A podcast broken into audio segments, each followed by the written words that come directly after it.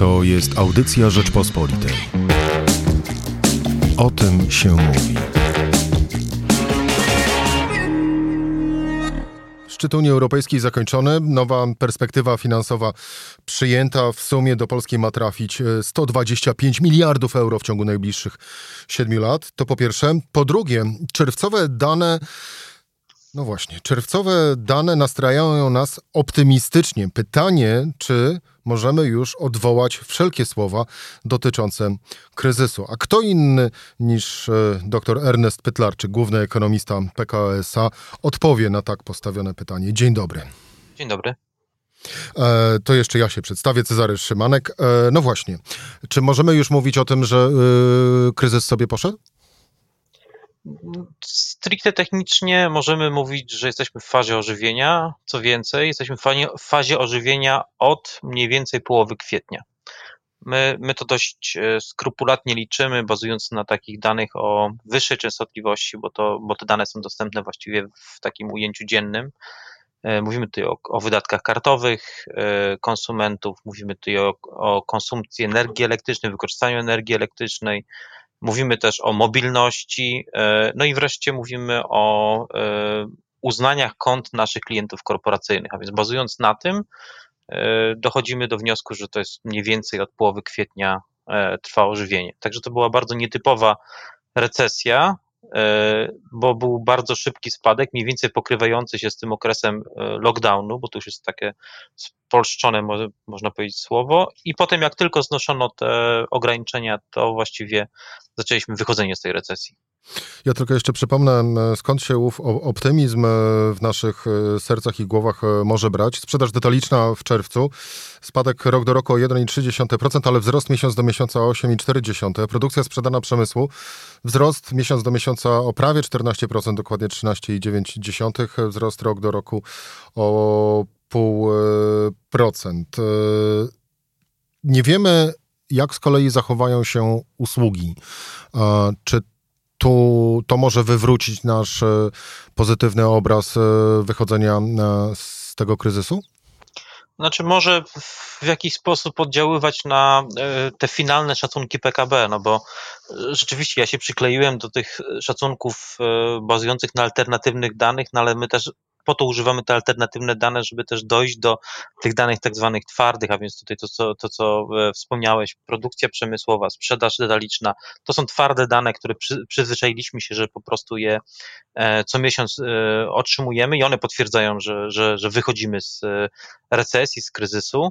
E, ale no, na koniec jest też ważna dana o PKB, bo to zbiera właśnie też i, i kondycję sektora usług. E, rzeczywiście niewiele mamy danych o tych usługach. Trochę pokazują karty i rzeczywiście karty pokazują, że e, takie sektory jak właśnie restauracje, gastronomia, hotele, transport, one stosunkowo najwolniej wstawały i prawdopodobnie. No, Użyłeś słowa wstawały, a to oznacza, że one wstały. Czy to rzeczywiście znajduje potwierdzenie w tych waszych codziennych e, danych e, tak. dotyczących stanu finansów? Tak, tak, oczywiście. To znajduje potwierdzenie w bardzo różnym tempie. E, ta aktywność była pobudzana i bardzo duża była aktywność na przykład w zakupach spożywczych.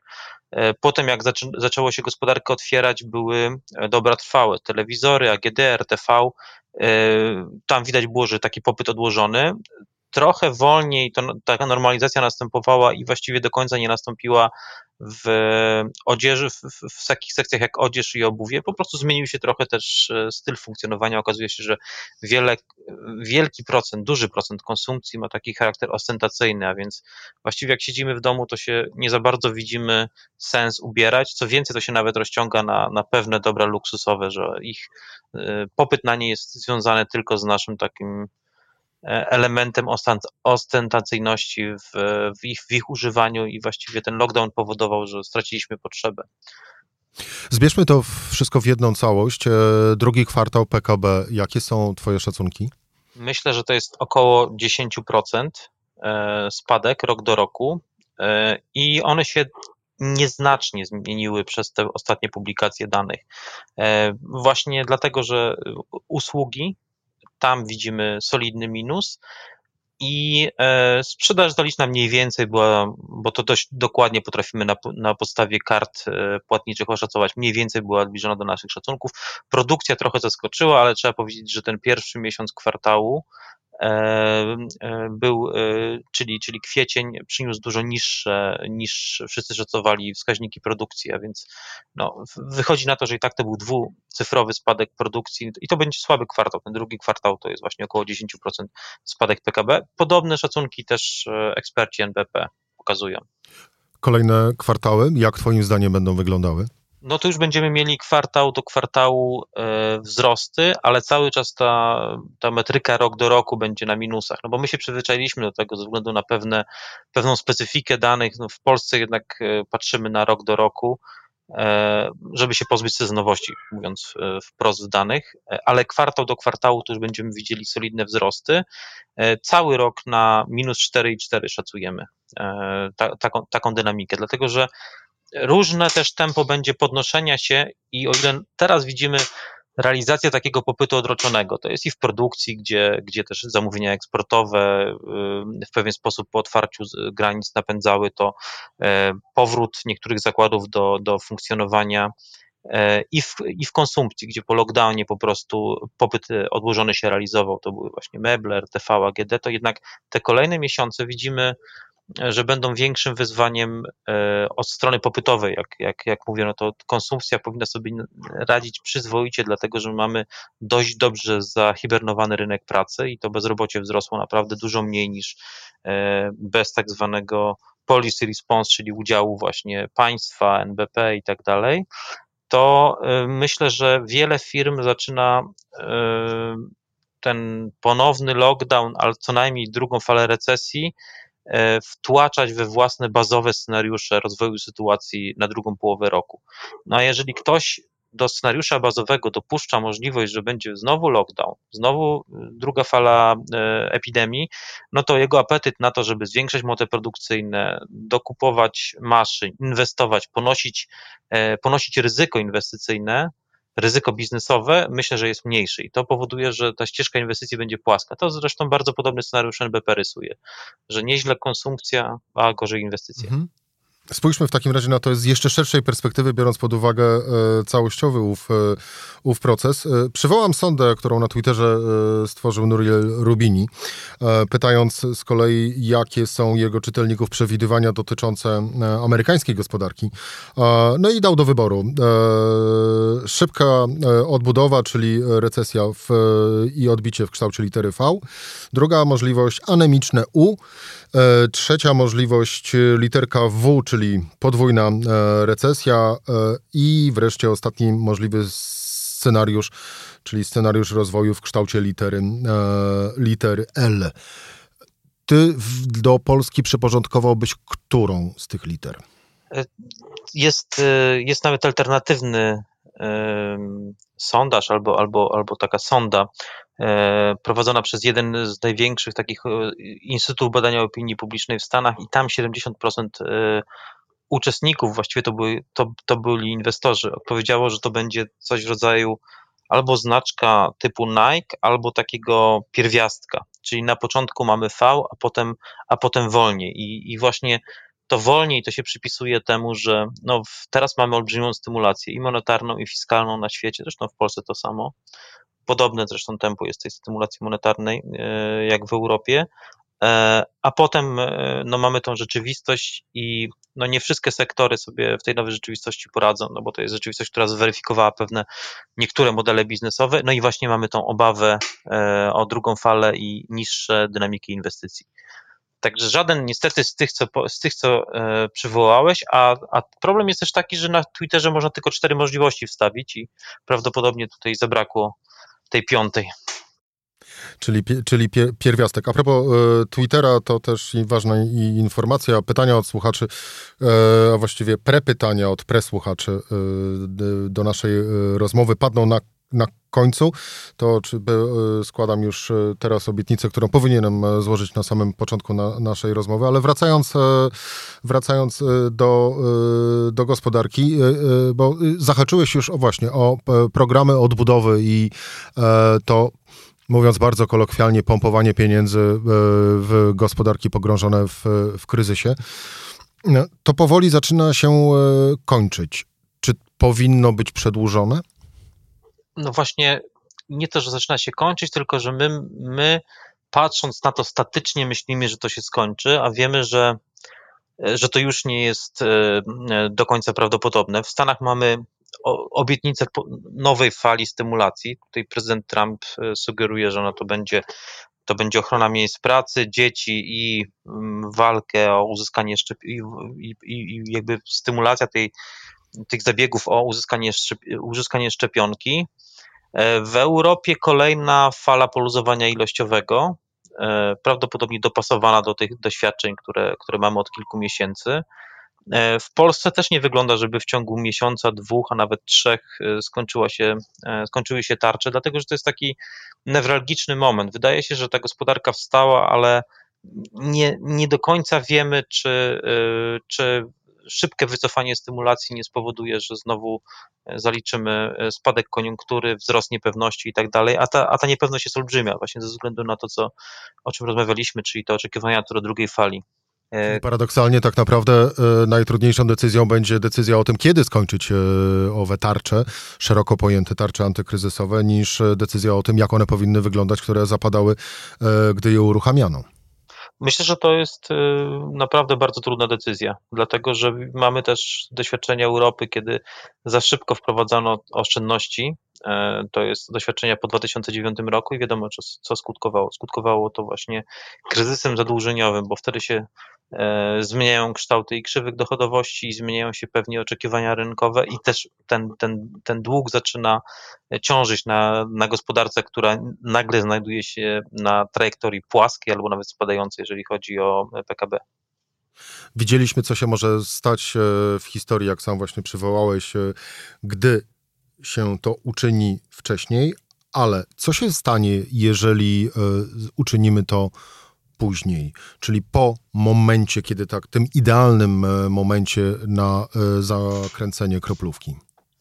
No to jest patrząc na naszą historię ostatnich 10 lat, to jest dość e, mocno hipotetyczne, bo e, jak patrzymy na Europę, to ten moment nigdy nie nadszedł. W Stanach właściwie podwyższono stopy procentowe, żeby je bardzo szybko obniżyć, czyli ta tak zwana prędkość ucieczki, ona jest iluzoryczna i bardzo ciężka do osiągnięcia, ale dajmy na to, że dochodzimy do takiego momentu, kiedy bezpiecznie, kiedy widać, że, że e, jest gospodarka przestymulowana. No, oczywiście wtedy są konsekwencje w postaci wyższej inflacji i no, trzeba szybko, dynamicznie zacieśniać politykę i fiskalną, i monetarną, ale myślę, że to jest w tą stronę jest, jest łatwiej, bo nasze doświadczenia są bardzo e, niezadowalające, jeżeli chodzi o pobudzanie inflacji, szczególnie w krajach rozwiniętych. Cały czas te banki centralne, szczególnie europejskie, ma historię nietrafiania, niedostrzeliwania celu inflacyjnego. A propos zadowolenia, czy główny ekonomista jest zadowolony, e, no właśnie, bardziej z samego faktu, że e, kompromis na szczycie Unii Europejskiej został osiągnięty, czy bardziej z faktu, że do Polski w ciągu 7 lat trafi 125 miliardów euro? Jestem zadowolony z, z obu tych rzeczy. No, po pierwsze, można było być sceptykiem co do tempa e, osiągania porozumienia w Unii Europejskiej, bo tam jest taka dynamika, że musi być właściwie kryzys, żeby nastąpił kompromis i, i ona jest dość, ta, ta prawidłowość jest e, e, dość wyraźna w ujęciu historycznym. A więc pod tym, pod tym kątem jest to pozytywna niespodzianka. No, szczyt trwał prawie 90 godzin i, i jest porozumienie i właściwie no, apetyt nie można było mieć za dużego apetytu. To, to że te, te, te początkowe propozycje zostały w pewien sposób skorygowane, to jest oczywiste, ale efekt końcowy jest taki, że e, mamy kompromis. E, środki popłyną do krajów południa. Właściwie cały scenariusz e, na 2021 to trochę wynika, trochę wynika z tego, że wszyscy gdzieś tak, y, gdzieś tam włączyliśmy te w nasze obliczenia, w nasze szacunki właśnie tą nową stymulację, bo ona będzie bardzo ważna ze względu na niepewność. Duża, e, duża część popytu zostanie po prostu przesunięta w stronę popytu, który będzie generowany przez państwa, więc e, wydatki infrastrukturalne w takiej sytuacji są, e, są niezbędne, żeby utrzymać, utrzymać koniunkturę, a więc to trochę uspokaja ekonomistów. Patrząc na, na to, ile środków popłynie do Polski, no to ten, ten ten, ta czarna wizja y, tych chudych lat dwudziestych, która się od kilku lat przewija przez, przez literaturę w Polsce, przez komentarze analityków, ona została dość, dość mocno sfalsyfikowana. No, wydaje się, że patrząc na, na, na te dane, to mamy przede wszystkim dynamikę pozytywną, jeżeli chodzi o tą nową perspektywę budżetową versus to, co, to, co mieliśmy w poprzedniej. Oczywiście są inaczej te środki, inne są priorytety, a więc mamy więcej na ochronę granic, mniej na politykę spójności, ale dodatkowo ten fundusz pandemiczny, a więc suma summarum to jest, to jest duży, plus dla, duży plus dla Polski, jesteśmy na plusie. Tutaj mówiłeś, że to jest na 7 lat, tak naprawdę to jest, to jest na 3 lata. W ciągu 3 lat będziemy mieli skumulowanie tych, tych wydatków, bo tak właśnie ten fundusz pandemiczny będzie działał, a więc... Ja wspominałem o całej kwocie wynikającej tak. również zarówno i z funduszu pandemicznego, Nie, jak i również z perspektywy finansowej.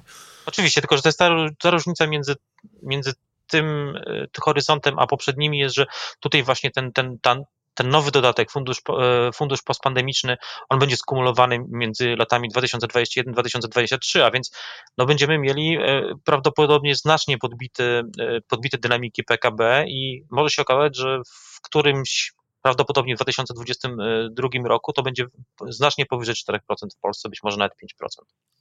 Podpiszesz się pod tezą, że gdyby nie pieniądze z Unii Europejskiej, to polska gospodarka znalazłaby się w głębokim kryzysie?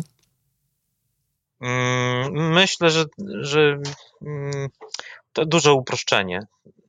My sobie chyba najlepiej radzimy z, z tych krajów Unii Europejskiej, nawet już powiem, radzimy sobie w oparciu o prognozy, które, które przygotowały inne, różne instytucje międzynarodowe, to Polska ma według szacunków nawet Komisji Europejskiej mieć najpłytszą recesję. My już ta pierwsza fala też pokazuje, pierwsza, pierwsza faza wychodzenia z kryzysu pokazuje, że gospodarka jest elastyczna, dobrze zrównoważona i bardzo szybko wracamy. No ale oczywiście to nie można też mówić, że te środki nam są w ogóle niepotrzebne, dlatego że e, to nie jest oczywiste, co będzie, jaka będzie przyszłość i tak jak tutaj rozmawialiśmy, jest dość duża niepewność i trzeba realnie na to spojrzeć, że w pierwszej fazie w dużym stopniu e, wychodzenie z kryzysu będzie zależne od aktywności państwa i również środków e, z Unii Europejskiej, dlatego że prawdopodobnie dopiero, dopiero zachęcone tym pobudzonym popytem e, publicznym, E, środki prywatne dopiero wtedy się zaangażują, wtedy dopiero, wtedy dopiero będziemy widzieli ten, e, no mam nadzieję, boom inwestycyjny, jeżeli chodzi o, o prywatne inwestycje.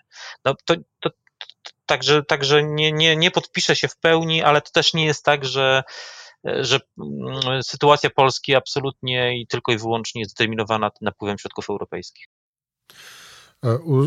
Pojawiło się już to słowo w trakcie naszej rozmowy, czyli lockdown, bo z jednej strony ono z kolei nie pojawia się w wypowiedziach polityków e, dotyczących e, prognozowania najbliższej przyszłości, przyszłości liczonej do końca roku. E, mówiąc wprost, politycy na razie wykluczają możliwość powtórnego lockdownu. Z drugiej strony, jeżeli chodzi o, jeżeli patrząc na krzywą zachorowań na koronawirusa, no to ona mimo zaklęć polityków no, nie wypłaszcza się. Spróbujmy napisać scenariusz, że y, będzie potrzeba wprowadzenia drugiego lockdownu. I co wtedy? No, wiemy, jak działał pierwszy lockdown. E, jeżeli się, jeżeli się jakby paramy takim zajęciem jak konstrukcja alternatywnej historii, alternatywnej przyszłości, no to na potrzeby, na potrzeby tego ćwiczenia, y, no można powiedzieć, że drugi lockdown miałby podobną dynamikę jak pierwszy. No jeżeli dochodzi do zamknięcia szkół, to oczywiście skutek dla, e, dla PKB jest jasny. Część ludzi musi iść na, na tak zwane opiekuńcze, zająć się dziećmi, ileś, ileś popytu jest też wyłączone, ileś osób nie znika z rynku pracy, koszty, koszty dla budżetu, dlatego też bardzo mało prawdopodobne jest, że y, te doświadczenia z kwietnia, kiedy jakby nieznajomość w ogóle choroby, jej skutków, nawet, nawet były e, duże wątpliwości co do, co do przebiegu, śmiertelności, no to jest ma, bardzo mało prawdopodobne. Myślę, że teraz e, no, jesteśmy po pierwsze lepiej przygotowani, mamy przetestowane też możliwości e, służby zdrowia, i patrząc na tą trajektorię, którą w Polsce mamy, to my mamy ten, no nie, teza, że nie, nie ma kontroli nad wirusem albo że, że straciliśmy kontrolę no jest nieuprawniona. My widzimy, że ta krzywa jest płaska. Ona jest na niskim poziomie, liczba nowych zachorowań jest poniżej średniej, poniżej średniej europejskiej. U nas nie było takiego charakterystycznego dla wielu krajów e, przyspieszenia i potem opadania. Po prostu ona się zatrzymało na stosunkowo niskim poziomie i tak już, jak wiemy, już od ponad dwóch e, miesięcy mamy podobną liczbę nowych przypadków. Będę drożył, ale gdyby E, lockdown został ponownie e, wprowadzony na okres jak poprzednio, e, miesiąc, półtora, dwa miesiące. Jednym zdaniem, jakbyś mógł wtedy opisać możliwą wtedy sytuację w gospodarce? No to jest wtedy scenariusz W, czyli mamy bardzo podobne fizyczne ograniczenia, które powodują spadek popytu, e, niemożność realizacji popytu, zamknięcie pewnych e, niektórych zakładów, także to jest scenariusz W i oczywiście z bardzo negatywnymi reperkusjami fiskalnymi. I na koniec e, dwa pytania obiecane od e, słuchaczy. Pierwsze, e, Trystero. Czy podpisałbyś petycję za zawieszeniem do końca roku publikacji PMI-ów? Nie, nie podpisałbym. To jednak jest e, dodatkowe źródło informacji. Może czasami te PMI nie do końca chodzą e, z PKB, nie do końca pokazują e, aktywność gospodarczą, a czasami bardziej nastroje, ale mimo wszystko to jest dodatkowe źródło informacji. Ja jestem za tym, żeby również alternatywne źródła informacji, ale krytycznie też wykorzystywać. I drugie pytanie, Tomasz Jóźwik pyta, no, takie trochę podchwytliwe. Czy ekonomista po tym, jak nie doszacował danego wskaźnika, może wyjaśniać, że było lepiej niż oczekiwał, bo efekty kalendarzowe i lub niska baza? Nie, tak nie powinien. To można, można tylko oczywiście wspomnieć to, że, że, że, że wskaźnik został e, w jakiś sposób naznaczony przez te efekty, ale też nie jest tak, że te efekty są stabilne w czasie i one się nie zmieniają. W każdym, każdy miesiąc ma inaczej, w każdym miesiącu ważą te i dni robocze i tak zwany efekt niskiej albo wysokiej bazy często jest uznaniowy i takim ozdobnikiem trochę w analizach. Trzeba się po prostu przyznać, że jak się, jak się nie trafiło, że jednak coś poważnego się stało i nas zaskoczyło, my o ile o ile pamiętam, no to, to, to, to raczej odwołujemy się do samej struktury wzrostu. Zaskoczyło nas na przykład, że tak szybko się eksport pobudził. E, ewidentnie mamy też dobra konsumpcyjne, więc sobie trochę tłumaczymy. No nie zawsze, nie każdą, e, nie każda prognoza jest trafna i niestety tak jest, że trochę ekonomiści ex post e, tłumaczą swoje, swoje błędy i ex post są mądrzejsi, no ale staramy się, staramy się, żeby jednak uczestniczyć w tym, w tym ćwiczeniu prognozowania przyszłości. A ty ile razy pomyliłeś się w tym roku? No, parę razy się pomyliłem, ale też parę rzeczy mi się udało.